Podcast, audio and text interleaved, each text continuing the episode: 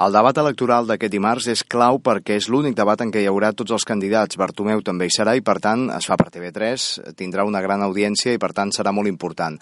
Queden encara, però, un parell de dies a l'esquena en què els candidats presentaran algunes novetats impactants d'última hora i, per tant, aquest debat, a diferència del de fa cinc anys, que es va acabar just quan acabava la campanya, a les 12 de la nit del divendres, no tindrà aquest punt d'immediatesa. Tot i així important perquè serà el primer en què es veurà el candidat Bartomeu, tots aniran segurament, previsiblement, contra Bartomeu, i aquí caldrà veure com es redistribueixen els vots que ara mateix donen clarament a Bartomeu com a favorit.